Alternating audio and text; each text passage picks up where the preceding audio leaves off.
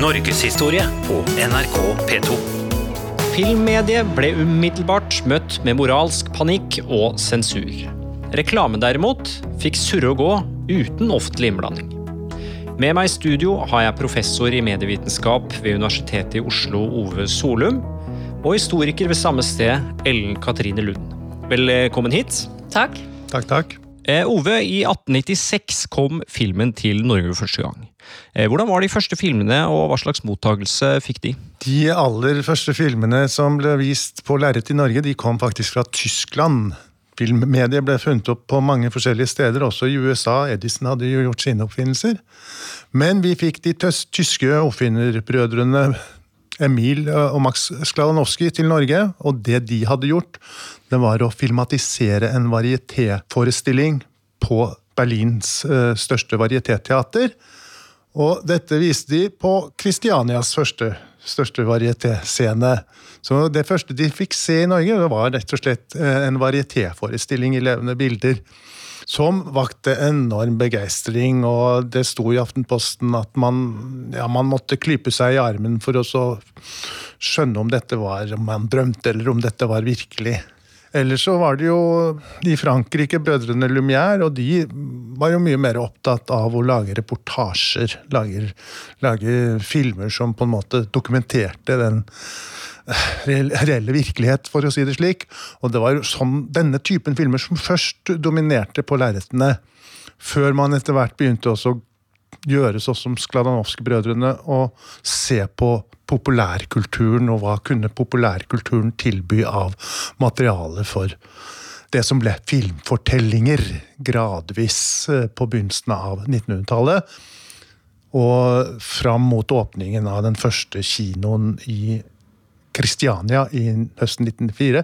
Da begynte den dramatiske fiksjonen å, å dominere, og det var jo den som etter hvert også skapte moralsk forargelse og, og, og skepsis. Det er en ganske rask utvikling. Altså, første film blir vist fra 1896. Åtte år etterpå så åpner den første kino da, med jevnlige visninger av, av film. Ja, men det ble jo vist masse filmer før den tid også. Man hadde jo ambulerende filmvisere som reiste rundt og, og, og viste i all, alskens forskjellige forsamlingslokaler. Men kinoen kom altså i 18, nei, 1904 i, i i Norge, og det ble ganske raskt svært populært. Den spredde seg veldig fort over hele landet. Filmen fikk sitt eget hus, kan vi godt si, med, med kinoen. Og der var Norge på høyde med omtrent eh, internasjonal utvikling. Hvem var det som typisk gikk på kino i den perioden? Det var eh, alle samfunnslag, men den ble veldig populær blant barn og unge. Og det vakte jo skepsis. Og et nytt medium som blir populært blant barn og unge, det skaper med nesten en naturlovs nødvendighet skeptiske eh, ytringer fra de som på en måte forvalter tradisjonskulturen, fra pedagoger og, fra ja, den voksne befolkning. Så barn og unge var ivrige kinogjengere, og ellers så var det stort kvinnelig publikum. Eh, Ellen, hva er egentlig reklame, og når kom den først til eh, Norge? Reklamen kom til Norge for fullt eh, i mellomkrigstiden. eh, Fra Amerika. Det var en amerikansk oppfinnelse på slutten av 1800-tallet. Og hvis vi skal forstå reklamen, så må vi nok se den i sammenhengen med merkevarebygging. Eh, Og for å forstå den, så må vi se for oss at før varene ble pakket inn og gitt navn og en logo, og, en, og ble reklamert for, så handlet jo folk hos kjøpmannen i det kvantum de selv ønsket. Altså man, man kjøpte mel og sukker og krydder fra sekker og krukker. Såpestykker ble skåret opp. Og da hadde ikke, altså Det var ikke navn på varene, og ingen brydde seg om det. Men så fant vareindustrien ut at de skulle pakke inn varene, gi dem navn. Og da oppsto det jo en konkurranse som, eh, om salg. Altså hvilken vare skulle man da kjøpe? Og det var i den forbindelse at reklamen oppsto. Og reklamen er jo noe annet enn annonser. En annonse eh, hadde jo eksistert eh, tidlig på 1800-tallet, og en annonse den kunne da ha opplysning om varen, altså varenavn øh, og pris på varen, men ikke noe mer. Og det reklame er, det er øh, øh, Reklamen har et løfte om noe mer enn å bare opplyse om, om pris og vare. Så det er budskapet som gjør varen til det spesielle. Og de som var veldig tidlig ute her, det var såpeindustrien. Men eh, hva slags løfter var det de ga som skilte seg fra tidligere annonsering? Eh, et løfte er f.eks.: eh, Med denne såpen så blir du vakrere, du blir renere og du blir lykkelig. Ja, det er et løfte som reklamen gir. Ja, når er såpebransjen begynner å spille på denne type løfter? da? Ja, Det gjør de tidlig på 20-tallet. Altså, I første omgang så var det vareindustrien selv som produserte reklame, men etter hvert så ble reklame profesjonalisert. Det var eh, noen menn som trakk seg ut i egne bedrifter og eh, lagde reklame for vareindustrien. Og i Norge så er det en fyr som heter Robert Millar, som kom fra Irland. Som regnes som reklamens eh, far i Norge. Han etablerte en reklameforening før første verdenskrig og de var gode menneskekjennere, brukte tidlig psykologi for å eh, utforme disse løftene i tråd med hva folk ønsket. Også sosiologi. De måtte forstå seg på samfunnet, på kulturen, der hvor reklamen skulle virke. For, å, for at den skulle virke i den kulturen, eh, så måtte de kjenne til hvordan, hva folk var opptatt av, hvilke verdier de hadde osv. Så, så de kartla forbrukermønster de kartla hvor mange hadde radio, hvilken aldersgruppe kjøpte ditt og datt, i hvilken landsdel osv. Dette startet allerede i mellomkrigstiden, men tok helt av eh, etter krigen. Altså Først kom jo posters, ikke sant? og så ble aviser, eh, avisannonser veldig vanlig. Og det var kanskje der, eller det, det var helt sikkert, at det var der eh, det var mest reklame i aviser. Særlig i de billige dagsavisene for arbeiderklassen. Arbeiderklassen var en veldig, veldig viktig målgruppe. Eller så var det jo lysreklame, radioreklame etter hvert, filmreklame. Det var reklame i prislister, det var til og med reklame på trikkebillettene. Og i brosjyrer, tidsskrifter, ukeblader. Det var mange kanaler, ja. Mange kanaler. Så reklame påvirket offentligheten eh, i stor stil allerede fra tidlig av? Ja, ikke så massivt som i dag, selvfølgelig, men det preget det offentlige rom. Og det reklamebransjen forsøkte, det var jo å kanalisere reklamen inn på de rette stedene. F.eks. så hadde ikke reklame på en trikkebillett eh, så stor effekt. Så det var det de som drev reklame profesjonelt, de var også opptatt av hvor er det Eh, det er mest effektivt å reklamere for en vare. Norgeshistorie på NRK P2. Eh, Ove, du nevnte i sted her at mange var forarget over hva som ble vist på lerretene. Og i 1913 så kom det en rimelig streng kinolov. Eh, hva var argumentene mot kinofilmene, og hvem var det som kom med disse? I forkant så var det pedagoger, Sedelighetsforeningene var en eh, sterk moralsk kraft i offentligheten i, i den perioden. Og sedelighetsforeningene hadde vunnet kampen mot prostitusjon, og nå var det ungdommen som skulle berges fra dette skumle, farlige mediefilm. Eh, nå det er mange eh, eksempler fra en veldig heftig avisdebatt, avisinnlegg, hvor man kunne dokumentere at man hadde sett hyppig hyppige avkledningsscener på kinoene. Det var mord, og det var kriminalitet. Og da skoleinspektør Svendsen i Trondheim hadde sett en kinoannonse i 1906 eller 1907, var det vel, og annonsen eller filmen het 'Første natt efter bryllupet', da behøvde ikke skoleinspektøren å gå på kino. Og han skrev et rasende innlegg i eh, den lokale avisen og krevde forbud. Og det, denne protesten den bare akselererte i årene som fulgte, og det ble etter hvert også lokale sensurgrupper rundt omkring i landet. altså Det ble etablert sensurkomiteer på steder, og eh, det ble en ganske uoversiktlig situasjon, for en gang å godt si, og, og det var Sedelighetsforeningene som henvendte seg til Stortinget om eh, krav om at dette måtte komme inn i ordnede forhold. Og dette var ikke noe som var særegent for Norge. I 1911 eh, så hadde Sverige innført nasjonalfilmsensur som det første landet i, i, i Europa. I Tyskland så var det lokale sensurordninger fra, i byene, fra by til by. Det kunne variere noe. Eh, og det hadde altså man sett i Norge, og man innså at den svenske modellen var egentlig ganske fornuftig. Man fikk en nasjonal sensur. Og det lille filmproduserende miljøet de applauderte dette med å få en, en, loka, en, nasjonal sensurordning. Så slapp man alle disse lokale protestene. Nå kunne man på en måte få et slags nasjonalt godkjentstempel på filmene som de distribuerte på sine private kinoer. Men det var altså pedagoger og sedelighetsforeninger som sto i fremste rekke i kampen mot dette nye mediet, som de i første rekke var bekymret for, med tanke på barn og unge. Ja, og For moralen, da. Moralen, ja. ja. Er dette en form for slags kulturelitisme, eller er det mer en sånn kristenpietisme? Hvor kommer liksom denne moral, eh, strenge moralfølelsen eh, fra? Det kan være en blanding.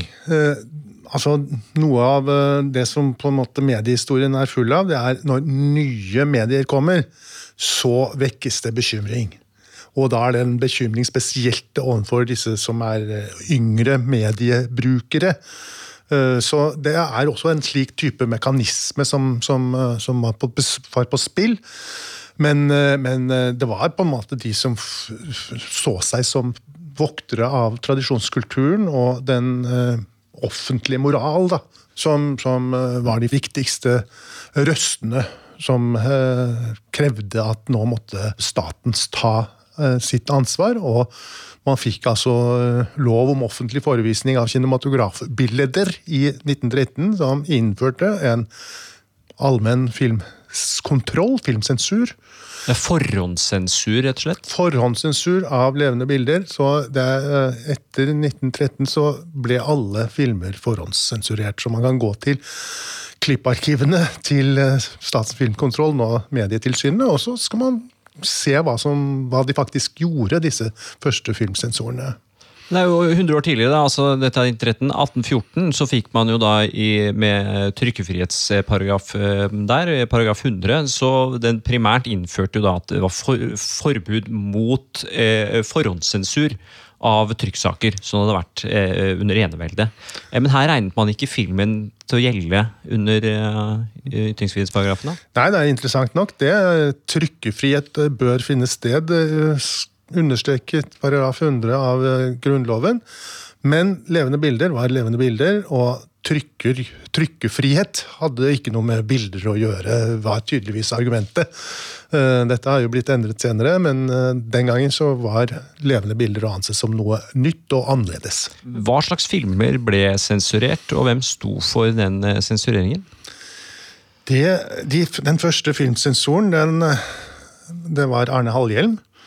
Han var avholdspolitiker. Men interessant nok så ble det balansert med Fernanda Nissen. Som jo eh, man kjenner som en uh, frilynt, uh, radikal kvinnesakskvinne. Sosialist eller sosialdemokrat.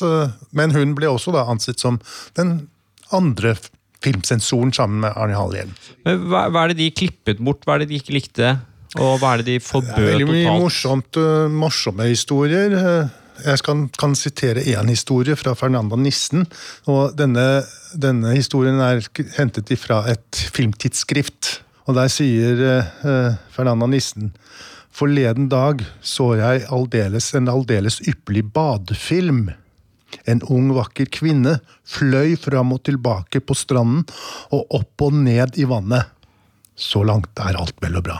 Det var virkelig vakkert, uttrykker Fernanda Nissen. Men så skjer det noe som forstyrrer det hele. Plutselig dukket to herrer med monokkel opp. De kikket meget interessert på damen og gliste og lo. Dette likte ikke Fernanda Nissen. Det så motbydelig ut, beskriver hun. Dermed fraklippes de to herrer og deres blikk, og den unge, vakre kvinnen fikk bade i fred. Jeg vil tro at, eh, at, mange ville hevde at den badende kvinnen var langt mer forstyrrende enn de to herrene med monokkel, men det mente ikke altså Fernanda Nissen. Men det som er kanskje mer viktig å tenke på, var vel at de bedrev politisk sensur av bl.a. nyhetsfilmer. De, de, sensurerte, spesielt under første verdenskrig, filmer som stilte en av de krigførende partene i et uheldig lys. Det skulle de forsøke å unngå. Norge var et nøytralt land, og det synes å hevde eh, at de hevdet at denne nøytraliteten også måtte finne sted på lerretene. Så det ble gjort mye, altså mange klipp og mye sensurering som gikk hmm. langt utover denne sensurparagrafen. Ja, og det ble sensurert ganske mye? Ja da, veldig, veldig mye ble også både forbudt og, og, og klippet eh, i. Og den siste, kanskje store eh, politiske sensurhendelsen fant sted på slutten av 1930-tallet, da de forbød en amerikansk eh, spionthriller. The Confession of a Nazi Spy.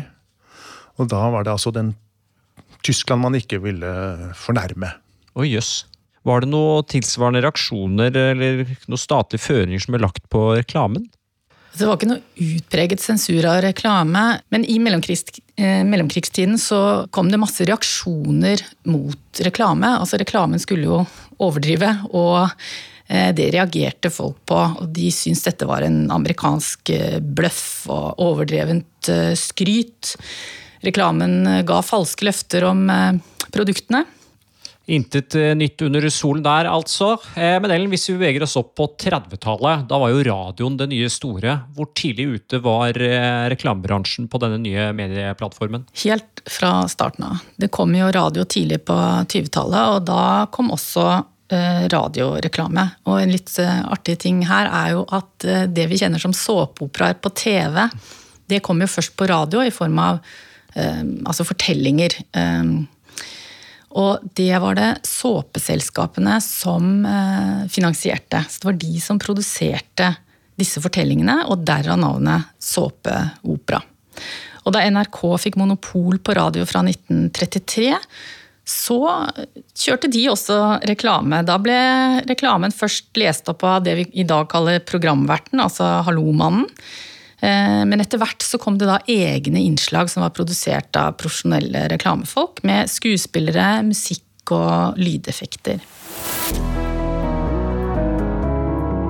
Norgeshistorie på NRK P2. Film og reklame i offentligheten. Jeg tenkte vi må prate litt om kjønnsrolle her. Ja. Det er jo et tema både for eh, reklame og film. Hvordan ble kvinner og menn fremstilt på lerretet og plakatene? Ja, altså Fokus på kvinners utseende det har vært eh, sterkt til stede i reklame fra 20-tallet. Eh, du har på en måte to stereotyper. Flapperen, som ofte var tegnet i en silhuett jeg har ikke sett eh, så mye flappere eh, i virkeligheten, hadde jeg nær sagt. Altså fotografert eller på filmer. Da var det gjerne husmoren, og hun var ikke lettkledd. Det var hun definitivt ikke. Det blir jo reklamert for veldig mye såpe og ja, vaskemidler osv., men ikke noe særlig sminke. Selv om de som ble fotografert, var sminket. Men sminke det ble forbundet med prostituerte. Og dette som eh, Ove var inne på i sted med monokkel, det er ganske interessant. Det ser vi i mye reklame, dette kritiske blikket på kvinner. Og da kunne man bruke den type effekt, altså at det er en mann som sitter med en sånn monokkel. Det er da altså en halv brille, ikke sant. Og så eh, er, har han en sånn tilskuerrolle, ikke sant. Så han observerer kvinnen, sånn at hun skal vite at hun hele tiden har et kritisk eh, blikk på seg. Det er en kikker, rett og slett, en? Kikker, ja. Og dette at man hadde en kikker med monokkel eller en eller annen ukjent tilskuer, eller at kvinnen var avbildet, og så så man et speil, sånn at hun hele tiden skulle være oppmerksom på at det er noen som ser på deg. Da. Og i en reklame for eh, silkestrømper så var da teksten 'Når du danser er ankelen og leggen utsatt for kritiske blikk'. Mer enn ellers. Derfor skal du fremheve leggens skjønnhet ved å bruke slipper heel silkestrømper. Så det var ganske uttalt at det er noen som ser på, ser på deg, så du må Ja, på en måte mye mer enn, i, mer enn i dag. Ja, mer eksplisitt enn i dag. I dag er det jo litt mer eh, subtilt, men det er jo, er jo absolutt eh, til stede. Til og med i en reklame for Philips lyspære, så var det altså en sånn herre med monokkel ikke sant, som betrakter en kvinne. Så kvinner ble jo brukt som objekter i, i reklamen helt fra, helt fra begynnelsen av. Og poenget, eller budskapet var jo ofte du blir en bedre utgave av deg selv ikke sant, hvis du bruker dette. Har du ikke det tilstrekkelige vakre utseendet, så ta i bruk Lux såpe. Ni av ti Philips-stjerner bruker den, så hvis du bruker den, så blir du som en filmstjerne. spiller du på dårlig selvtillit, nærmest. da. Ja. Ja. Og på unghet. Altså dette at, eh, at det er de unge eh, som er avbildet, det er jo ikke noe nytt. Det var det på 20-tallet også. Og på- dette ja, ser du jo selvfølgelig på film også. Eh, man snakker om visual pleasure, for å bruke et eh, slikt ord, og da er det jo ofte den kvinnelige skuespilleren som er kilden for denne visuelle eh, nytelsen, og det er det jo skrevet masse om i, i filmlitteraturen. Eh, Visual pleasure and narrative cinema er en sånn artikkel som ofte, det ofte refereres til, og som viser til hvordan den mannlige posisjonen har vært den foretrukne gjennom filmhistorien fra begynnelsen og helt fram til eh, de moderne filmene. Så det er jo ingen, eh, ingen hemmelighet. Og der vil man se altså Flapperen er jo også en karakter i, i film, filmhistorien. Eh, Du har jo noen andre interessante kvinnelige skikkelser også. Femme fatalen fra 40-tallet er jo en langt mer mangfoldig og, og tvetydig karakter som er vakker, men ikke nødvendigvis snill og god. Så der får du en litt mer eh, diffus eh, kvinneskikkelse. Men ellers så er jo filmhistorien fulle av slike portretteringer av kvinner for visuell lyst og glede. Eh, Vi skal prøve å oppsummere eh, litt her. Eh, Ellen, vil du si at reklamen har vært med på å forme norsk offentlighet eh, på 1900-tallet? Ja, så absolutt. Den har jo fra første stund vært et eh, massemedium som har henvendt seg til alle klasser, og spesielt til arbeiderklassen, som jo skulle utgjøre en masse. Eh, Den har vært en visuell og språklig ytring som har tatt opp i seg den kulturen det har virket innenfor. Da. Og samtidig så har den jo bidratt til å endre denne kulturen og endre verdier. Endre folks liv. Den har skapt eh, økonomisk vekst. Og en illusjon om, om likhet, og en illusjon om hva som er mulig, selvfølgelig.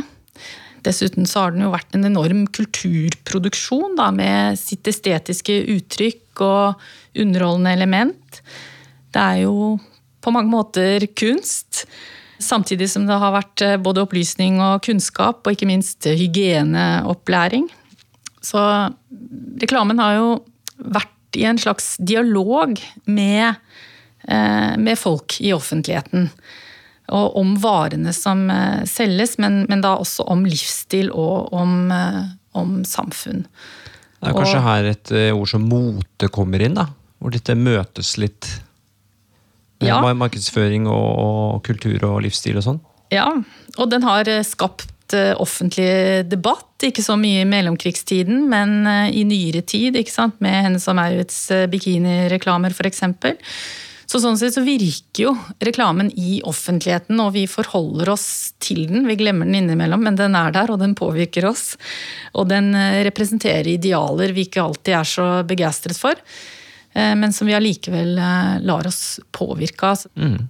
Ove, du var innom det i stad. eh, Men det er liksom flere av de innvendingene som ble reist mot kinofilmen i 1913, minner liksom sterkt om motstanden mot eh, fjernsynet på 60-tallet, mot dataspill i nyere tid. Det er ikke bra for barna, de kommer til å bli voldelige, etc. etc. Hva er det med nye visuelle medier som provoserer så, så sterkt? Det er fordi det er nytt. Og fordi det fascinerer. Og det fascinerer veldig ofte unge brukere. Internett skulle man jo i hvert fall ikke ha hjemme hvis man hadde små barn. Jeg fortalte en slektning at jeg fikk internett hjemme tidlig på 1990-tallet, og han reagerte med Men du har jo små barn, jo! Du kan da ikke ha internett, da! Så det, er en mekanisme som følger uh, introduksjonen av nye medier. Nye medier gir grobunn for skepsis. Og For filmens vedkommende så ble jo det veldig fort et av de mest populære uttrykksmediene. Det ble et veldig stort, populært massemedium som uh, utfordret da Eller ble sett på som utfordrende ifra tidlig av. Og dette ga utslag i rett og slett en statlig filmkontroll i 1913. Ove Solum, Ellen Katrin Lund, tusen takk til dere.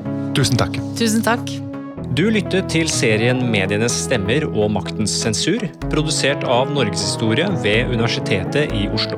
Mitt navn er Anders Brenna, og ansvarlig for denne serien er Ellen Katrine Lund.